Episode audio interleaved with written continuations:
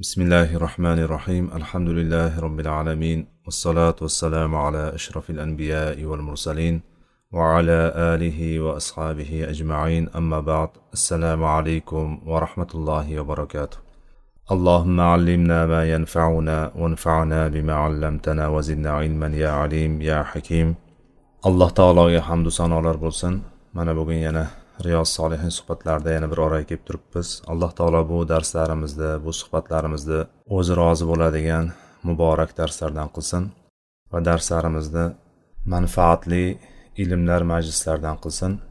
Alloh taologa hamd sanolar bo'lsinki mana bugun ramazonni oxirgi o'n kunliklariga yaqinlashgan holatlarda turibmiz. Alloh taolo shu kungacha yashatdi o'zi qodir qildi bizni ro'za tutishlikka.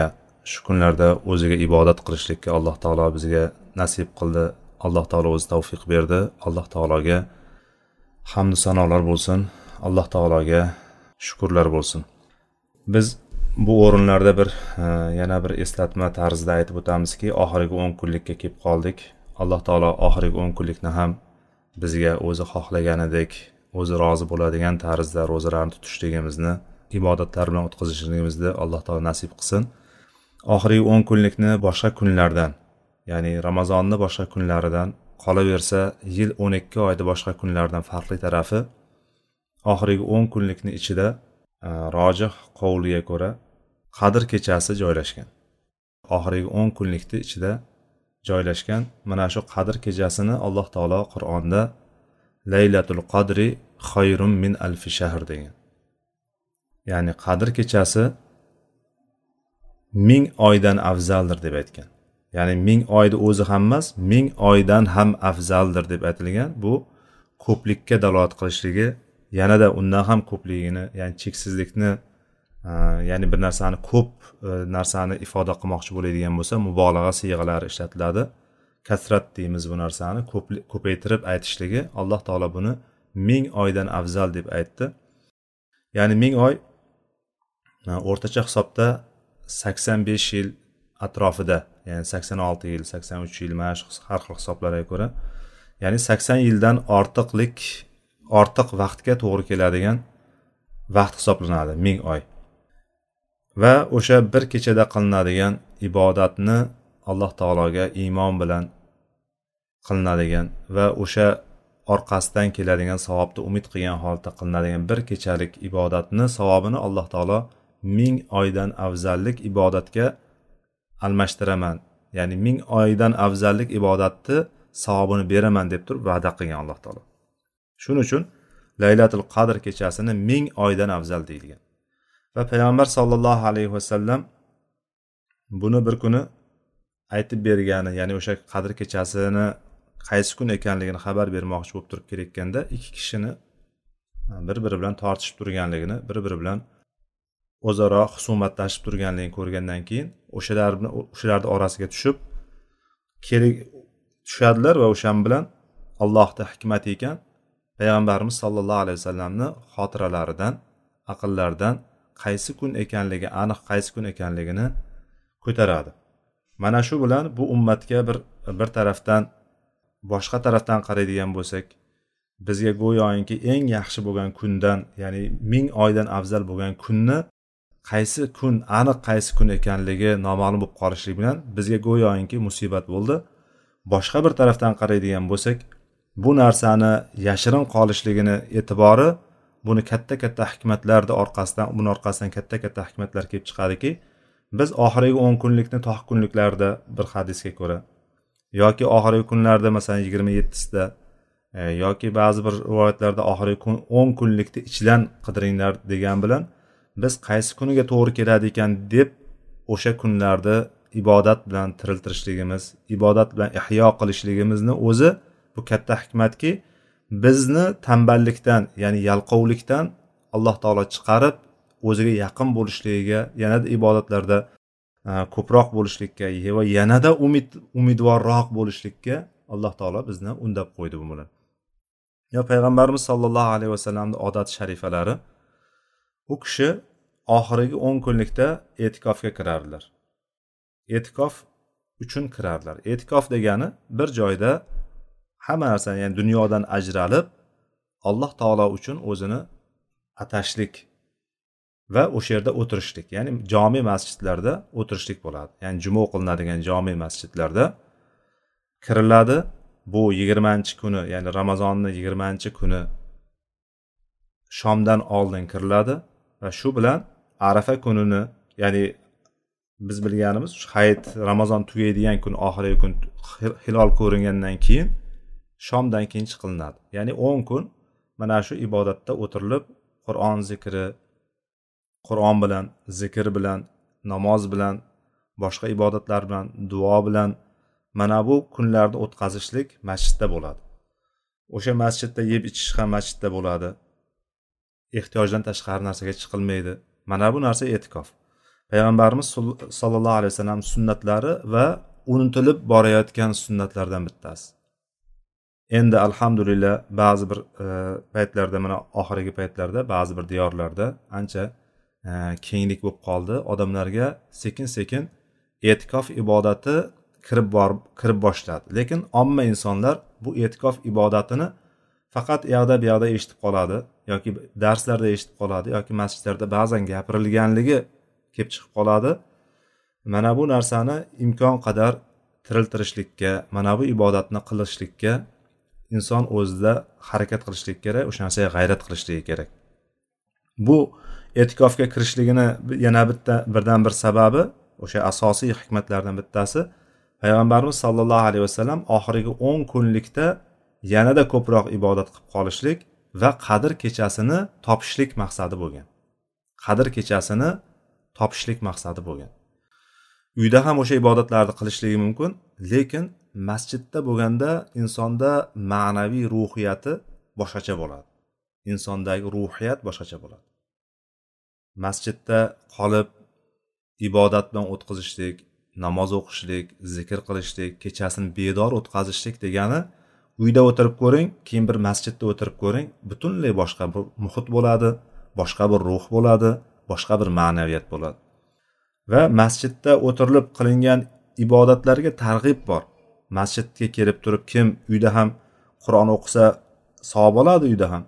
Lekin kimda kim masjidga qarab turib yurib boradigan bo'lsa va o'sha yerga borib turib qur'on o'qiydigan bo'lsa o'sha yerdan bir oyat o'qiydigan bo'lsa buni qurbonlik qilganchalik bo'libdi.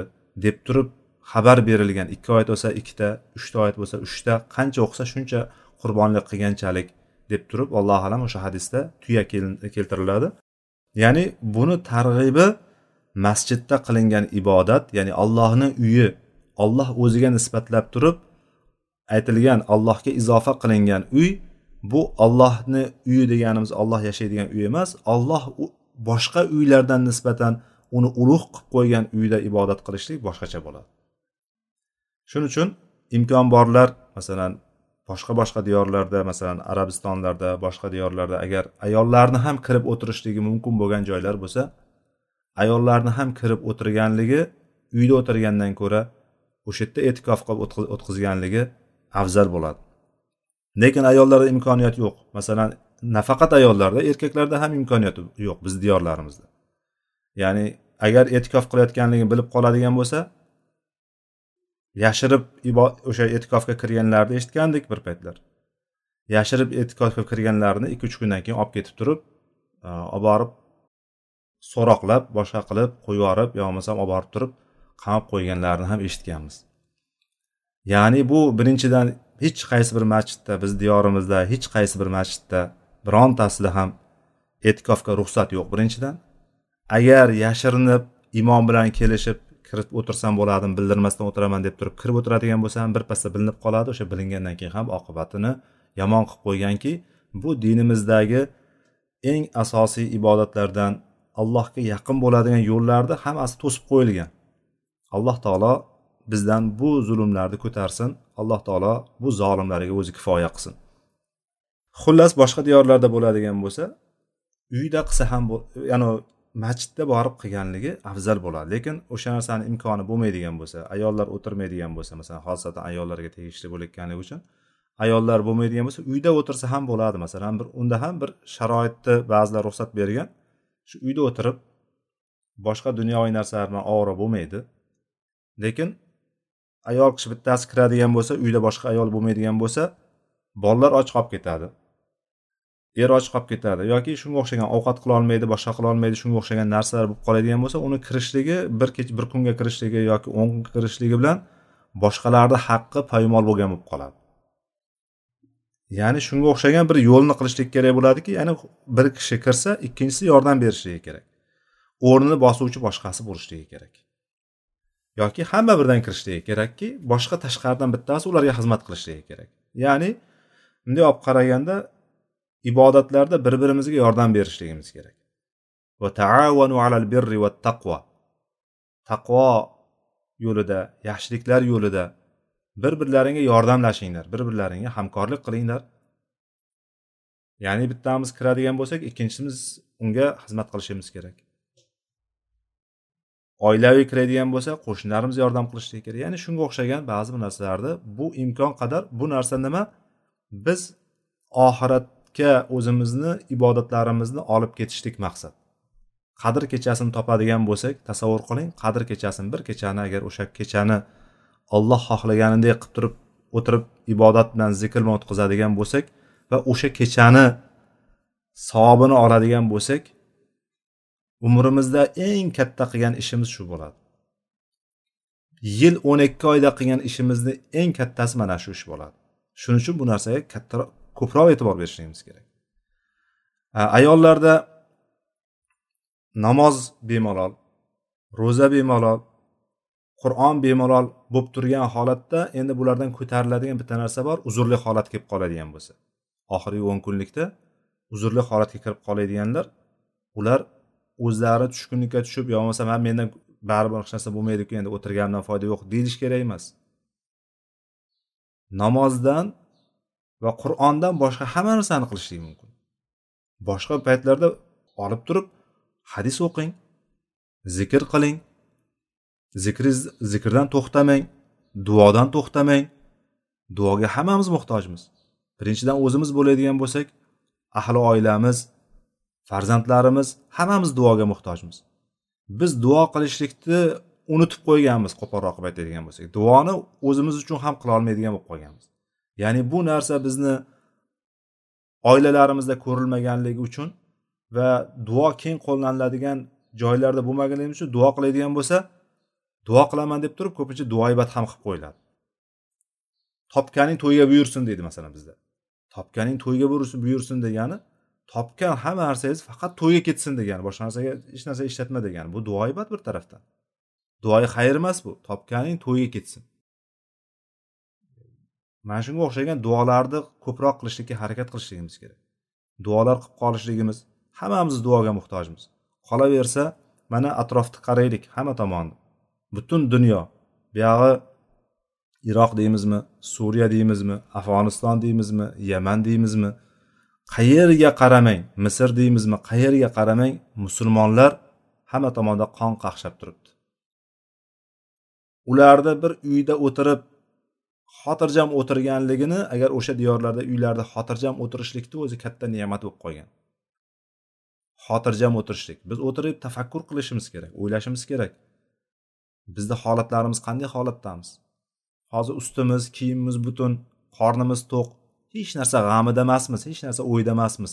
To'g'ri tirikchilik qilaman deb turib ozgina g'amimiz bo'lishi mumkin boshqa hech qanaqa g'amimiz yo'q. Lekin biz mana bu ne'matlarni qadriga yetishligimiz kerak. Mana o'zimiz diyorda ham qancha qancha odamlar birimizni akamiz birimizni ukamiz birimizni otamiz birimizni farzandimiz birimizni opamiz singlimiz hammasi zulmda o'tiribdi. Ularni holatlarini o'ylashimiz kerak. Ularni o'ylab turib o'zimizdagi ne'matlarni ko'rolmaydigan bo'lsak boshqa narsalar bilan bir insonlarga bir ta'sir etishlikni iloji yo'q. Ularni o'ylab turib hozir ular qanday holatda o'tiribdi? Masalan biz ro'zani tutib oldik ertalab yeb hamma narsani yeb maza qilib narsalarni ne'matlar bilan o'tirdik. Lekin ular ro'za tutolyaptimikan yo'qmikan? Yoki ro'za tutgan bo'lsa nimalarni yedi ekan degan savollarni o'zimizga berishligimiz kerak. Bu ne'matlarni biz eslashligimiz kerak. Ertaga albatta so'ralamiz bu ne'matlardan. Biz ertaga mana bu ne'matlarni har biridan so'ralamiz. Bir sovuq suv bilan soyadan so'ralamiz deganlar payg'ambarimiz endi bizga hozir kelib turgan ne'matlarni bir ko'raylik. Alloh taolo birodarlarimizga najot bersin. Mana shu o'sha birodarlarimizga ham bu kunlarni muborak qilsin. Ularni ajrlarini qat qat qilib bersin. Sabr matonat bersin. Boshqa diyorlardagi birodarlarimizga ham alloh yo'lida yurgan birodarlarimizga qadamlarini sobit qilsin. Zolimlarga kofirlarga o'zi kifoya qilsin. Va bizga bu ne'matlarni bergani uchun alloh taologa cheksiz shukurlar bo'lsin va mana bu shukurlarni hamdni o'z o'rniga keltira olishlikni alloh taolo bizga nasib qilsin o'zi tavfiq bersin. Biz ibodatlarda iqtisod haqida gap ketayotgandi. Ibodatlarda iqtisod qilishlik ya'ni o'zbekchaga tarjima qiladigan bo'lsak ibodatlarda o'rta meyona bo'lishlik haqidagi bobda davom etayotgandik. kitobimizda bir yuz ellik beshinchi hadisga kelib to'xtagan ekanmiz ba'zi kitoblarda bir yuz ellik uch ba'zi kitoblarda bir yuz ellik to'rt ya'ni bu raqamlar kitobni qaysi kitobga qanaqa raqam qo'yilganligiga bog'liq bu katta farq qilmaydi وعن أبي ربعي حنظلة بن الربيع الأسيدي الكاتب أحد كتاب رسول الله صلى الله عليه وسلم قال لقيني أبو بكر رضي الله عنه فقال كيف أنت يا حنزلة؟ قلت نافق حنزلة. قال سبحان الله ما تقول؟ قلت نكون عند رسول الله صلى الله عليه وسلم يذكرنا بالجنة والنار كأن رأي عين. فإذا خرجنا من عند رسول الله صلى الله عليه وسلم عافسنا الأزواج والأولاد والضيعات فنسينا كثيرا. abu rabai hanzala ibn robi al usaydiy payg'ambar sollallohu alayhi vasallamni kotiblaridan ya'ni vahiyni yozuvchi sahobalardan bittasi. Vahiy yozuvchilarida o'sha payt kotib deyilgan. Hozirgi kunda kotib deydigan bo'lsak umuman har qanday yozuvchi tushuniladigan bo'lsa payg'ambarimiz sollallohu alayhi vasallam davrida yozuvchi deydigan bo'lsa kotib deydigan bo'lsa payg'ambarning kotibi deydigan bo'lsa odatda vahiyni yozuvchi sahobalar nazarda tutiladi. Demak abu ribai deb kunyalangan hanzala ismlari ibn robi al usaydiy bu kishi payg'ambarimizni kotiblaridan qur'onni nozil bo'lganda qur'onni payg'ambarimizni yoniga o'tirib turib yozib oladigan kotiblardan biri ekan. Bizda kotib degan paytda ko'pincha e, sekretar nazarda tutiladi. Bu yerda ham xuddi sekretar ko'rinishida lekin faqat qur'onni nozil bo'layotgan vahiyni yozib borishgan bular. Shu kishi aytib beryapti. Bir kuni abu bakr roziyallohu anhuni uchratdim. Ya'ni abu bakr roziyallohu anhu meni yonimga keldi. Va so'radi ey hanzala ahvoling qanday? deb so'radi. Qandaysan? Ahvoling qanday? deb turib so'radi. Men aytdimki hanzala munofiq bo'lib qolibdi dedim deyapti. Nafaqa hanzala. Hanzala munofiq bo'lib qolibdi dedi. Abu bakr ajablanib subhanalloh ma taqul? Subhanalloh nima deyapsan? dedi. Bu nima deganing? deb turib ajablandi. Qultu aytdimki biz rasululloh sollallohu alayhi vasallamni yonida bo'lganimizda u zot sollallohu alayhi vasallam jannat va do'zaxni bizga eslatgan paytda jannat va do'zaxni bizga xotirlatgan paytda go'yo ko'z bilan ko'rib turgandek bo'lamiz. Ya'ni jannat va do'zaxni ko'zimiz bilan ko'rib turgandek holatga kelamiz. Va payg'ambarimizni huzuridan sollallohu alayhi vasallam huzuridan chiqqanimizdan keyin esa xotinlarimiz bolalarimiz va ishlarimiz bilan mashg'ul bo'lamiz o'shalar bilan ovora bo'lamiz. Va ko'p narsalarni unutib qo'yamiz dedi. Ya'ni insonni ruhiy holati o'zidagi ma'naviy holatga ishora qilyapti. Payg'ambarimizni yonida bo'lganimizda jannat va do'zaxni ko'rib turgandek ichimiz shoshib shavqlanib shijoatimiz oshib ketib qoladi ibodatlarga va uyimizga qaytganimizda rasulullohni yonidan qaytganimizdan keyin oila bola chaqa bilan ishlarimiz bilan ovora bo'lgan paytimizda mashg'ul bo'lgan paytimizda esa ko'p narsa esimizdan chiqib ketadi. Ya'ni o'sha ular bilan ovora bo'lib turgan paytda jannat va do'zax ertaga alloh taoloni hisob kitob qilishligi degan narsalar bizdan ko'tariladi. Ya'ni ibodatlardan uzoq bo'lamiz dedi. Qola abu bakr roziyallohu anhu favallohi inna lanalqo mislahada abu bakr roziyallohu anhu ham aytdiki allohga qasamki bu narsaga biz ham tushib qolamiz. Bu holat bizda ham kuzatiladi. Bizda ham xuddi shunaqa bo'ladi. Ya'ni payg'ambarimizni yonida xuddi jannat va do'zaxni ko'rib turgandek bir holatga kelamiz. Ya'ni bir gunohni ko'rgan paytimizda o'sha payt qaytadigan savoblarga bo'lsa shu juda intiladigan shunaqa bir ruhiyatga shunaqa bir holatga kelamiz. Lekin ketganimizdan keyin oila bola chaqaga aralashganimizdan keyin o'shalar bilan mashg'ul bo'lganimizda ko'p narsa bizni hayolimizdan chiqariladi dedi va fantaloqtu ana va abu bakr hatta daxolna ala rasulillahi sollallohu alayhi vasallam فقلت نافق حنزلة يا رسول الله فقال رسول الله صلى الله عليه وسلم وما ذاك قلت يا رسول الله نكون عندك تذكرنا بالنار والجنة كأن راي العين فإذا خرجنا من عندك عافسنا الأزواج والأولاد والضيعات نسينا كثيرا payg'ambarimiz sollallohu alayhi vasallamning yoniga abu bakr bilan birga keldik deyapti payg'ambarimizni yoniga bordik u kishini yoniga kirdik va aytdimki ey ollohning rasuli hanzala munofiq bo'libdi dedim deyapti rasululloh sollallohu alayhi vasallam bu nima deganing dedilar va mazaka dedilar bu nima deganing Deganda ey allohning rasuli sizni huzuringizda bo'lganimizda siz do'zax va jannatni bizga aytib berganingizda eslatganingizda xuddi ko'rib turgandek bo'lib ketamiz. Ko'rib turgandek bir holatga kelamiz. Va sizni yoningizdan chiqib ketganimizdan keyin bolalarimiz xotinlarimiz farzandlarimiz ishlarimiz bilan mashg'ul bo'lamizda ko'p narsalarni unutib yuboramiz. كوب نرسا اون تامس. ديدا. فقال رسول الله صلى الله عليه وسلم شنو پیغمبر صلى الله عليه وسلم شنو ديب جواب بيرلر. والذي نفسي بيده أن لو تدومون على ما تكونون عندي وفي الذكر لصافحتكم الملائكة على فرشكم وفي طرقكم. ولكن يا حنظلة ساعة وساعة. salasa marrat. Payg'ambarimiz sollallohu alayhi vasallam aytdilarki jonim uning qo'lida bo'lgan zotga alloh taologa qasam ichib aytamanki ey hanzala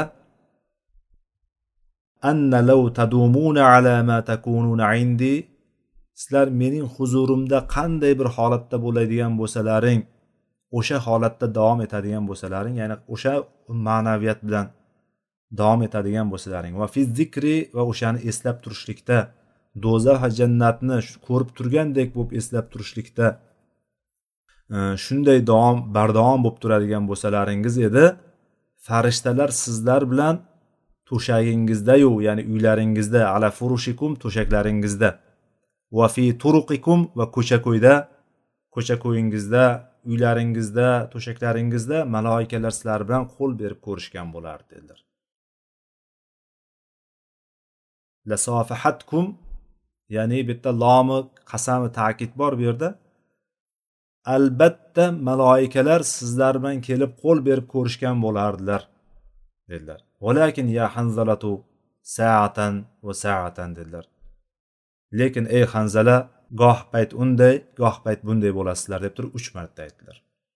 Ya'ni ba'zan ibodat ba'zi paytlarda ibodat qilish payti bo'lishligi kerak va ba'zi paytda inson o'zi bilan ahli bilan oilasi bilan ham ma'lum bir vaqtlarni o'tkazishligi kerak bo'ladi deb turib payg'ambarimiz sollallohu alayhi vasallam bu kishini aytgan o'zida kelgan ruhiy holatlarni o'ziga o'zicha bir narsani yasaganini noto'g'ri ekanligini balki bu narsa insonni tabiati ekanligini payg'ambarimiz sollallohu alayhi vasallam mana bu hadisda bizga dars berdi. Bu hadis imom muslimning rivoyatlari ekan. Ya'ni bu hozirgi holatda haqiqatda hanzala roziyallohu anhuni holatlarini bir qaraydigan bo'lsak u kishi o'zida his qilgan narsani munofiqlik deb o'yladi. Haqiqatda munofiqlik degani munofiq deganimizda ichi boshqa tashi boshqa. Ya'ni insonni ichki dunyosi boshqa tashqi dunyosi boshqa bo'lganda nifoq deyiladi aslida. Ya'ni ichida iymon keltirmaganu tashqarida iymon keltirgan qilib ko'rsatishlik. Mana bu narsa nifoq hisoblanadi. Haqiqiy nifoq mana shu. Ya'ni haqi allohga haqiqatda iymon keltirmaydi lekin tashqarida mo'minlarni safida yuradi. Bu qachon paydo bo'ldi? Bu madinada musulmonlar oyoqqa turib musulmon davlati kuchga kirgandan keyin mushriklarni bir martaga yutgandan keyin yenggandan keyin ana o'shandan keyin madinadagi ba'zi birlar ya'ni shu paytgacha islomni qabul qilsammi qabul qilmasammi deb turib ularga musulmonlarga qarshi bo'lib turgan ba'zi bir kishilar bor edi. Mana bu kishilar musulmonlardagi shavkatni musulmonlardagi qudratni ko'rguncha bular endi bu tarafga o'tib olishlikni ma'qul ko'rishdi. Ya'ni ular iymon qalbidan iymon keltirmasa ham ularni safida yurishlikni lozim ko'rishdi chunki musulmonlar kuch quvvatli qudratli shavkatli bo'lib ketyapti ular. Endi ularni safida bo'lmaydigan bo'lsa o'zlarini zarariga bo'lib qolishligi mumkin. Mana shu holatda nifoq asli nifoq mana shu. Endi nifoq bu e'tiqodiy haqida gapirilyapti hozirgi nifoq e'tiqodiy. Ya'ni ichi boshqa tashqarisi boshqa bo'lgan nifoq mana bu haqiqiy nifoq mana bu nifoq munofiqlarni holatini qur'onda eng keng bayon qilingan ularni har bir holatlarida kirdikorlari bitta bitta zikr qilingan. Chunki nifoq shunaqa bir narsaki bu inson tashqi tarafdan ko'rinmaydi. Kofirlar ochiq musulmonlar ochiq lekin ularni o'rtasida bo'lgan o'zini musulmon qilib ko'rsatganlar nifoq ko'rinmaganligi uchun alloh taolo ularni ko'p sifatlariki mo'minlar ularni holatini bilsin va birinchi tarafdan bu bo'ladigan bo'lsa ikkinchi tarafdan o'sha holatga o'zlari tushib qolmasin musulmonlar. Va munofiqlar do'zaxni eng qa'rida bo'ladi. Kofirlardan ham battarroq holatda bo'ladi. Ular go'yoki odamlarni aldayman dedida o'zlarini aldab yurganligini ertaga qiyomat kunida ko'rishadi. Alloh taolo nifoqdan o'zi saqlasin. Hanzala roziyallohu anhu ham bu hozirgi o'zida ikki xil holatni ya'ni payg'ambarimizni yonida bo'lgan holat do'zax va jannatni eslatilgan holatda payg'ambarimiz huzurida o'tirgan paytda go'yo jannat va do'zaxni ko'rib turgandek bir holatga kelib keyin payg'ambarimiz yonidan ketib oila bola chaqasi bilan mashg'ul bo'lganda ko'p narsalarni esdan chiqarishligi ibodatlarda ibodatlarni ya'ni biroz uzoqroq bo'lishligi ya'ni oila bilan ovora bo'lganda nima bo'ladi inson? Xuddi shu. Ya'ni ko'p narsa esdan chiqadi. O'sha narsani nifoq deb o'yladi lekin bu narsa inson tabiat qilib berilganligi allohni fazli karami marhamati hisoblanadi inson unutuvchi. Agar inson unutmaydigan bir holatda bo'lganda edi insonni yashashligi qiyin bo'lardi. Agar hozirgiday bir narsalar bilan ta'sirlanadigan bo'lsa ya'ni payg'ambar sollallohu alayhi vasallamni hadislari bilan qur'on bilan ta'sirlanadigan bo'lsa o'shani ta'sirida davom etadigan bo'lsa hozir payg'ambarimiz aytganlaridek agar shu holatda davom etib turib o'sha bir fizzikr o'sha narsani eslab turishlikda alloh taoloni eslab turishlikda jannat va do'zaxni eslab turishlikda agar inson davom etib bir xil holatda turadigan bo'lsa hatto maloikalar ham kelib turib ko'rishar ekan inson bilan. Shu darajaga yetadi inson ya'ni yetish yetishadi. Lekin alloh taolo bu narsani xohlamadi bizda. Unutadigan qilib yaratdi. Agar unutadigan tarafda unutmaydigan qilib qo'yganda bir tarafdan bunaqa qilib ta'sirlanib qolgan inson bo'lishligi mumkin ikkinchi tarafdan agar bir musibat keladigan bo'lsa musibatni unutolmaydigan bo'lsa shu kungacha bir hayotimizga qaraylik qancha og'ir kunlarimiz bo'ldi qancha qiyinchilik kunlarimiz bo'ldi qancha xafagarchilik kunlarimiz bo'ldi. Agar o'shalarni hammasini unutmaydigan bo'lsak inson qanday yashashi mumkin? Inson depressiyaga tushib qoladi. Inson tushkunlikka tushib qolib turib tushkunlikdan chiqolmaydigan bo'lib qoladi. Lekin alhamdulillah allohni fazli karami marhamati bilan alloh taolo bizga unutuvchanlik berdi. Va shuning uchun payg'ambarimiz sollallohu alayhi vasallam aytdilarki ya hanzalatu saatan va saatan. Saatan va saatan saatan va saatan dedilar. Ya'ni gohida unday gohida bunday bo'lasizlar. Gohida unday gohida bunday gohida unday gohida bunday bo'linglar bo'lasizlar deb aytdilar. Chunki bu narsa mana bu imom navaviy rahimaulloh bu hadisni bu bobga keltirishligidan maqsadi ya'ni inson har doim bir xil holatda emas ya'ni inson ibodatda ham bo'lishligi va boshqalarni ham haqqini rioya qilishligi bilan ya'ni kelib oilaga aralashgandan keyin oilani tirikchiligi bor kam ko'pi bor e, issiq sovug'i bor mana bu narsalar bilan ovora bo'lgandan keyin baribir ibodatlardan uzilishlikka ibodatlardan alloh taologa ibodat qilishlikdan uzoq bo'lishligiga sabab bo'ladi. Mana bu narsalar insonni tabiati ekanligi va mana shu narsani insondagi normal holat ekanligini payg'ambarimiz aytdilar va imom navoiy mana shu o'ringa keltirdiki demak inson ba'zan ibodatda bo'ladi va ba'zan ibodatda bo'lmaydi. Ya'ni inson bitta narsa bilan butun bitta joyga kirib olib turib tarki dunyochilik emas ekanligini mana bu hadis bilan ko'rsatmoqchi bo'ldi. Vallohu alam. Chunki o'tgan darsimizdagi hadislarga e'tibor qiladigan bo'lsak hamma narsani haqqi bor dedi. Seni robbingni haqqi bor oilangni haqqi bor o'zingni haqqing bor o'zing jismingni badaningni haqqi bor.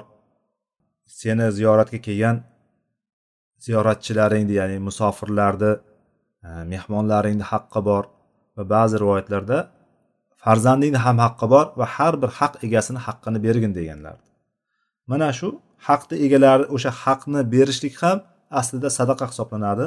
Yuqoridagi hadislarda ya'ni kasrat turuq yaxshilik yo'llarini ko'p ekanligi haqidagi bobda o'tgandik. Hammasi yaxshilik aslida. Har bittasiga bittadan sadaqa beradi. Hattoki birodarimiz yuziga tabassum bilan qarashligimizga ham bizga sadaqa beriladi. O'shanga ham savob beriladi. Alloh taolo bizga mana shuning uchun har bir qilgan ishimizni mana bu shariat doirasida shariat doirasida payg'ambarimiz olib kelgan shariat doirasida qilishligimiz hammasi bizga savob olib kelishligi bilan mana bu narsani bilishligimiz kerak bo'ladi ekan. Va ilmda ham xuddi shunday. Bir narsadan zerikadigan bo'lsa bitta ilmni olishlik davomida bitta kitobni o'qishlik davomida inson zerikishligi mumkin. Bu inson tabiati. Bitta kitobni o'qiversa o'qiversa o'qiversa o'shani yodlashlikdan yoki e, o'sha narsani o'qib o'rganib chiqishlikdan zerikishligi mumkin. O'sha zerikkan paytda boshqa kitobni qo'lga olishlik kerak. Inson erkinroq mavzudagi kitobni olishlik kerak. E, yoki qur'on yoki hadis yoki boshqa boshqa kitoblarni qo'lga olishlik bilan ilmda ham bir e, ya'ni turli xillikda rang baranglikda oladigan bo'lsa inson ko'proq ilmga ega bo'ladi birinchidan ko'proq ma'lumotga ega bo'ladi va bitta kitobdan zerikib qolmasligiga sabab bo'ladi. Ya'ni agar bitta kitobni to'g'ri bitta kitobni boshidan oxirigacha tugatishlik o'qib oxiriga yetkazishlikda katta manfaatlar bor. Lekin inson tabiati shunaqaki ba'zan zerikib turadi. Ba'zan malollanib turadi. Ba'zan zerikib qoladida o'shandan keyin zerikib qolishligi o'sha kitobni yoki o'sha bir qilayotgan ishimizni amalimizni tashlab qo'yishligimizga sabab bo'ladi. O'sha tashlab qo'yishlik yuzaga kelmasligi uchun bizga mana bu bob mana bu kitobimizdagi iqtisod bobi har bir amalda o'rta meyona bo'lishlik bobi bizga mana shu narsani o'rgatadi. Zerikib qolishlik jarayoni yuzaga kelyaptimi? Boshqa narsa bilan shug'ullanishligimiz kerak. Ya'ni o'sha foydali ish koeffitsiyentini oshirishligimiz kerak. Foydali ish koeffitsiyentini oshirishligimiz kerak.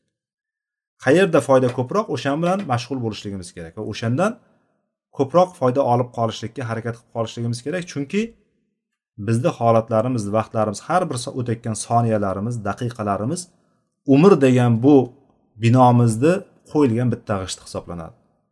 Bitta bitta kamayib boryapti. O'tgan vaqtimiz o'tib bo'ldi. O'tgan vaqtimiz o'tib bo'ldi. Endi oldinga kelayotgan narsamiz ya'ni o'lim bizga shuncha yaqinlashdi degan. Mana bu narsani unutmasdan mana bu narsaga harakat qilishligimiz kerak. Ilmda ham ibodatda ham mana shu bittasidan zerikib qolmaslik bittasiga berilib qattiq kirishib ketib qolganda zerikishlik yuzaga kelib qolmaslik uchun o'rtacha ketishlik biroz zerikishlik yoki biroz o'sha narsadan malollanishlik yuzaga kelishlikka yaqin bo'layotgan paytda boshqa narsaga ko'chishligimiz kerak ekan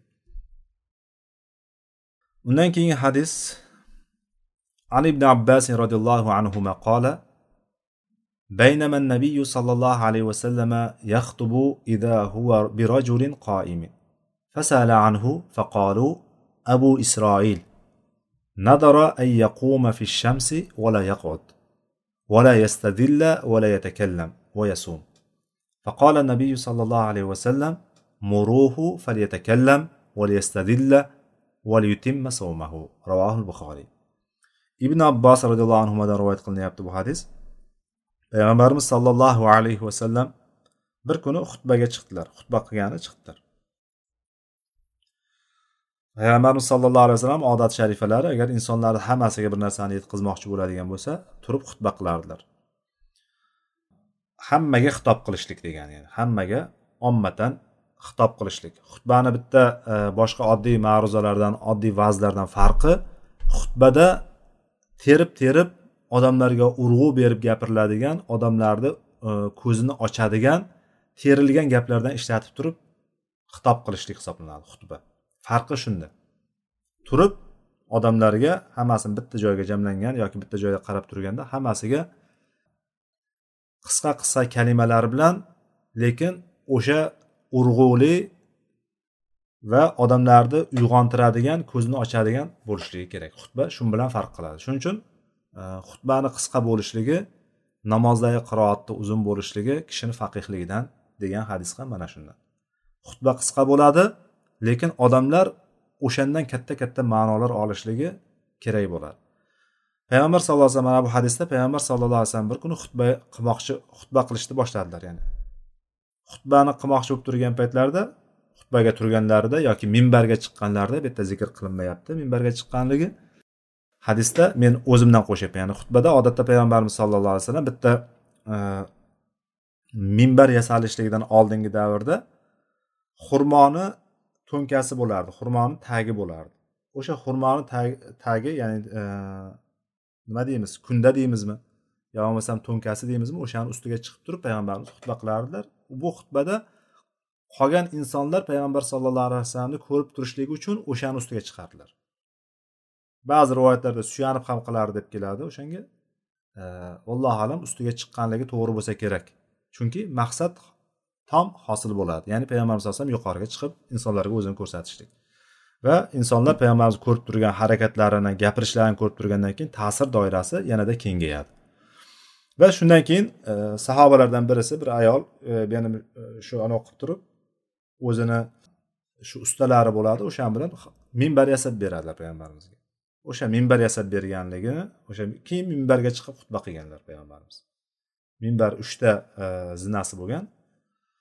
Xullas e, bu yerda zina e, xutba qildilar xutba qilayotgan xutbani boshladilar deganligida bu yerda alloh alam o'sha e, yuqoriga chiqqanligi men minbarga chiqqan deb aytyapman bu yerda.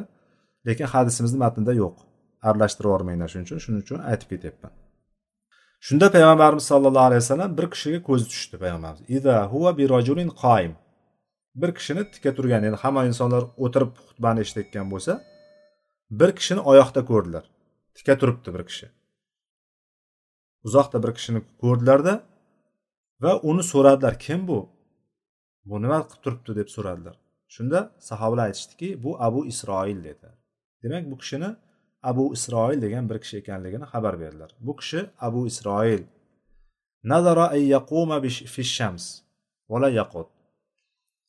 Nazr qilibdi quyoshda o'sha yerda turishlikni quyoshda toblanib turishlikni o'tirmaslikni soyalanmaslikni va gapirmaslikni va ro'za tutishlikni nazr qilibdi deyapti. Ya'ni shu yerda aytayotgan quyoshda turib o'tirmaslik soyalanmaslik gapirmaslik va ro'za tutishlik. Mana bu narsalarni o'sha yerda turib nazr qilibdi dedi.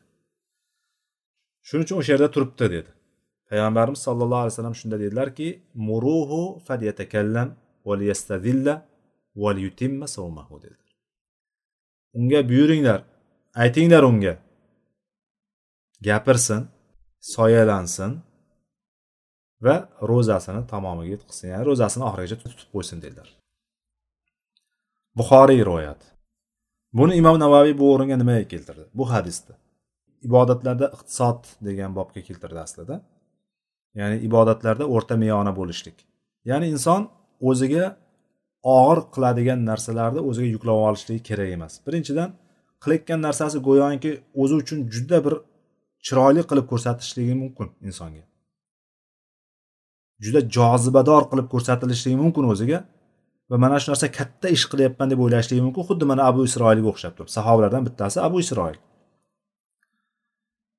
Bu nazr qildi. Nazr qilishlik degani bir narsani atashlik. Bir narsani o'ziga lozim qilib olishlikni nazr deyiladi. Bir narsani o'ziga lozim qilib oladi. Ya'ni aslida muboh narsa edi. Qilsa ham bo'lardi qilmasa ham bo'lardi lekin mana shu narsani men qilaman deb turib o'ziga yuklab olishlikni nazr deyiladi. Nazr faqat allohga qilinadi. Hali nazr haqida yana birozdan to'xtaymiz. Nazr qildi. Nazr qilganligi mana shunday qilaman deb turib va'da berdi o'ziga o'zi. Va'dasi quyoshni tagida tikka turishlik. Tikka turish quyosh tagida tikka turishlik degandan o'zi o'tirmaslik va soyalamaslik kirib ketadi shuning ichiga lekin hadisda yanada ketyapti davomini aytyapti shuni. Quyosh tagida tikka turishlik o'tirmaslik soyalanmaslik va yana gapirmaslikka ham qasam ichyapti. Bu gapirmaslikni ham nazr qilyapti va ro'za tutishlikka. Demak bu narsa aslida qilinayotgan ibodat har qancha jozibador har qancha chiroyli ko'rinsa ham qabul bo'lishligini ikkita sharti bor. Qabul bo'lishini bitta ibodatimizni bitta qilgan amalimizni qabul bo'lishligini ikkita sharti bor. Birinchisi ixlos bo'lishligi kerak. Birinchisi xolis bo'lishligi kerak xolis olloh uchun qilingan bo'lishligi kerak. Lekin har qanday xolis qilinayotgan chin dildan qilinayotgan ibodat ibodat bo'laveradimi qabul bo'laveradimi? Yo'q. Ikkinchisi shariatga muvofiq bo'lishligi kerak. Payg'ambar sollallohu alayhi vasallamni sunnatlariga muvofiq bo'lishligi kerak.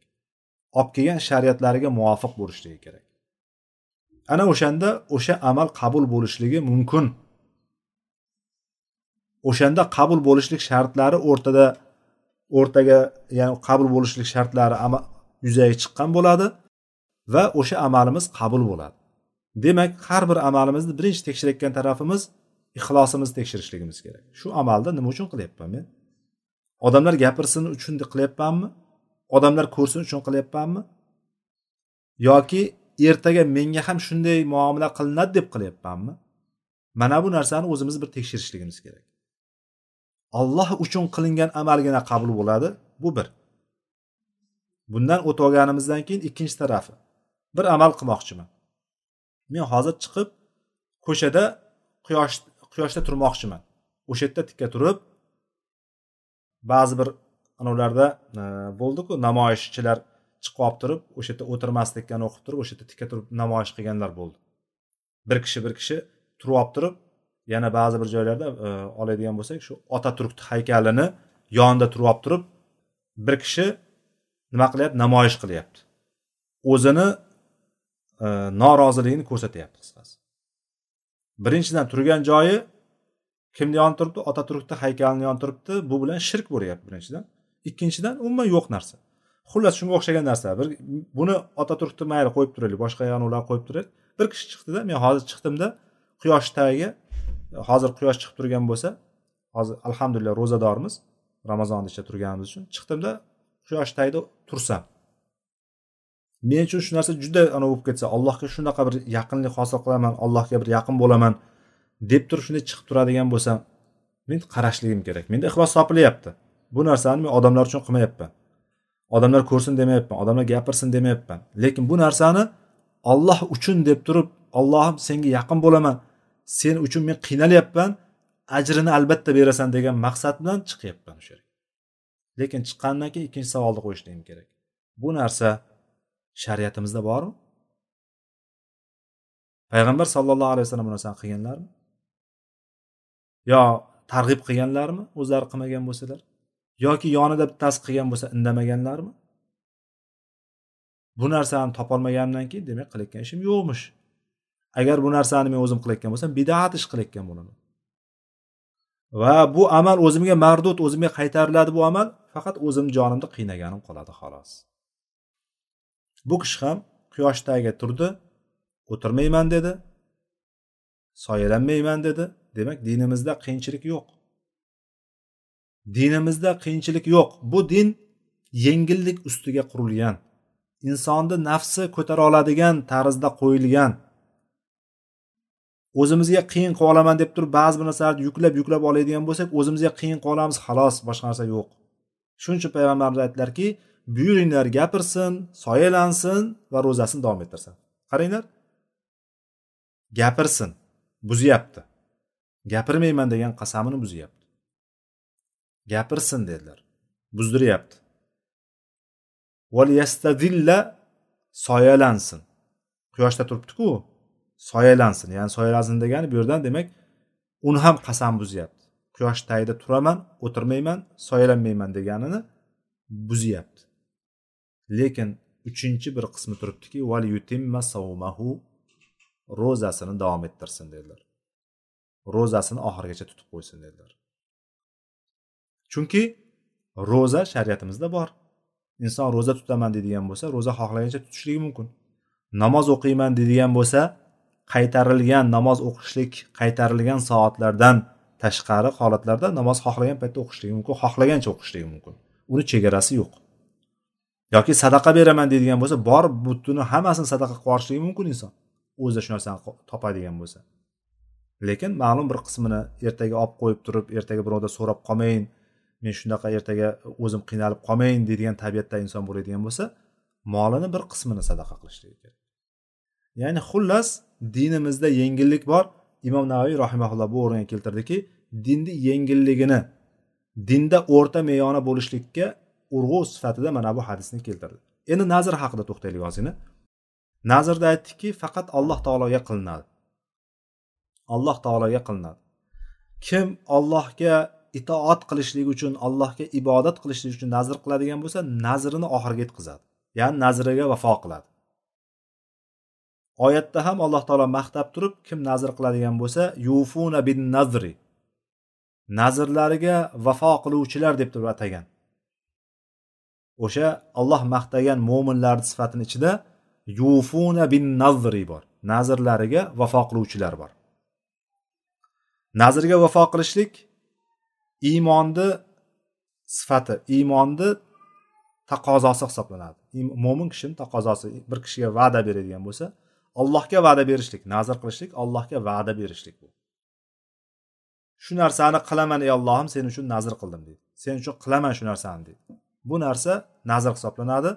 Ko'pincha insonlar bizda nazrni bir inson tushkunlikka tushib qolganda qilishligi qiyin bo'lib qolgan ishlarda ko'ziga o'sha narsani yuzaga kelishligi murakkab bo'lib ko'ringan holatlardagina nazr qiladigan bo'ladi bizda.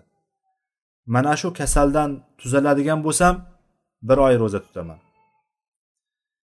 Shu zolimlarni qo'ldan chiqib ketadigan bo'lsam bir yil ro'za tutaman. Yoki mana shu narsa shunaqa bo'lib ketadigan mana shu narsa yuzaga keladigan bo'lsa shuncha sadaqa beraman. Mana shunga o'xshagan har xil sadaqalarni qiladi lekin bu nazr yaxshilikka olib kelmaydi. U nazr qilishlik makruh amalas nazr qilishlik makruh. Chunki bu bilan bir taqdir o'zgarib qolmaydi. Olloh belgilab qo'ygan taqdir o'zgarib qolmaydi. Faqat inson o'ziga bir narsani yuklab olgani qoladi xolos. Olloh sizga yuklamagan narsani o'zizga yuklab olishligingizda qoladi. Olimlar nazrni asli makruh deyishgan. Nazr qilishlik makruh deyishgan. Makruh amalni bilamiz. Qilmagan kishi salomat qoladi. Kim o'sha makruh amalni qiladigan bo'lsa makruh amalni qilishlik bilan gunohga olib borishlik mumkin deydi. Gunoh bo'lib qolishligi mumkin. Makruh amalni qoidasi shu. O'sha narsani qilmagan kishi salomat qoladi savob oladi.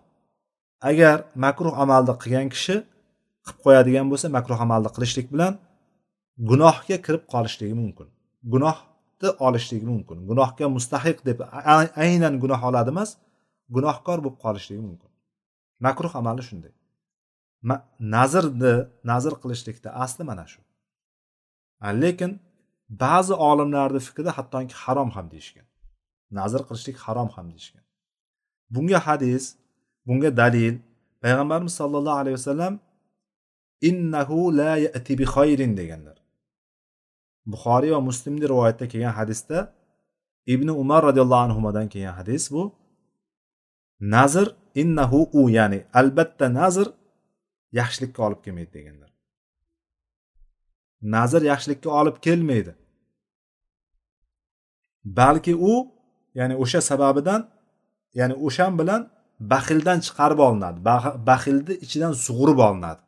Agar bir kishi o'zi zakot e, sadaqa beraman deydigan bo'lsa shu narsani qilsam sadaqa shu narsani qilishlik e, ya'ni shu narsa bo'lib ketsa shuncha sadaqa beraman deydi. Bu narsa insonni o'zidan mana shu qilishlik nazr faqat o'sha baxildan o'zi asli baxil inson u. O'shandan chiqarib oladi o'shandan sug'urib oladi. Nazr o'shandan sug'urib oladi o'sha amalni o'sha sadaqani o'sha ishni baxildan sug'urib chiqaradi o'rtaga.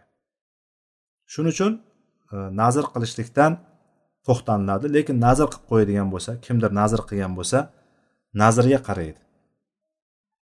Nazrni qilib bo'lgan bo'lsa nazrga qaraydi. Agar u allohga itoat qilishlik bo'ladigan bo'lsa allohga ibodat bo'ladigan bo'lsa man nazara ay fal yuti'hu deganlar. Kim? Payg'ambar sallallohu alayhi vasallam aytadiki kim allohga itoat qilishlik uchun nazr qilgan bo'lsa itoat qilishlikda nazr qilgan bo'lsa allohning itoatida nazr qilgan bo'lsa bu narsa nazriga vafo qilsin. Ya'ni o'sha itoatini qilsin. Kim allohga osiy bo'ladigan o'rinda nazr qilib qo'yadigan bo'lsa nazriga vafo qilmaydi. Endi nazrni buzishlik ham xuddi qasamni buzishlikka o'xshagan narsasi bor. Nazr buziladigan bo'lsa qasam buzilganga o'xshab turib kafforati beriladi. Kafforati o'sha o'nta kishini o'nta miskinni taomlantirishlik yoki o'nta miskinni o'rtacha bir kiyim bilan kiyintirishlik bo'ladi. Yoki qul ozod qilishlik yo u ham bo'lmaydigan bo'lsa uch kun ro'za tutishlik bo'ladi. Allohu alam. Ya'ni nazr demak e, umumiy qoidaga ko'ra makruh sanashgan ekan. Olimlarni ba'zisi hattoki harom sanashgan ekan. Shuning uchun e, bo'lar bo'lmas narsalarga ya'ni inson o'zidagi narsani shu anavi qilib e, mana bu e, birdan nazr qilishlikdan bunday qilib yuboraman uncha qilaman bundaqa qilaman deb turib o'ziga o'zi alloh taolo sizga kenglik qilib qo'ygan narsani o'ziga torlik qilib olmaslikka o'ziga yuklolmaslikka harakat qilishligi kerak ekan. Va mana bu bilan e, shu bobimiz oxiriga yetdi. Ibodatlarda o'rta meyona bo'lishlik bobi oxiriga yetdi. Alloh taolo o'zi ramazonni oxirigacha mukammal o'tkazishligimizni va qadr kechasini topishligimizni va o'zi va'da qilgan ming oydan afzal bo'lgan ibodatlarni savobini olishligimizni hammamizga nasib qilsin o'zi tavfiq bersin va axiru davana alhamdulillahi robbil alamin سبحانك اللهم وبحمدك أشهد أن لا إله إلا أنت أستغفرك وأتوب إليك والسلام عليكم ورحمة الله وبركاته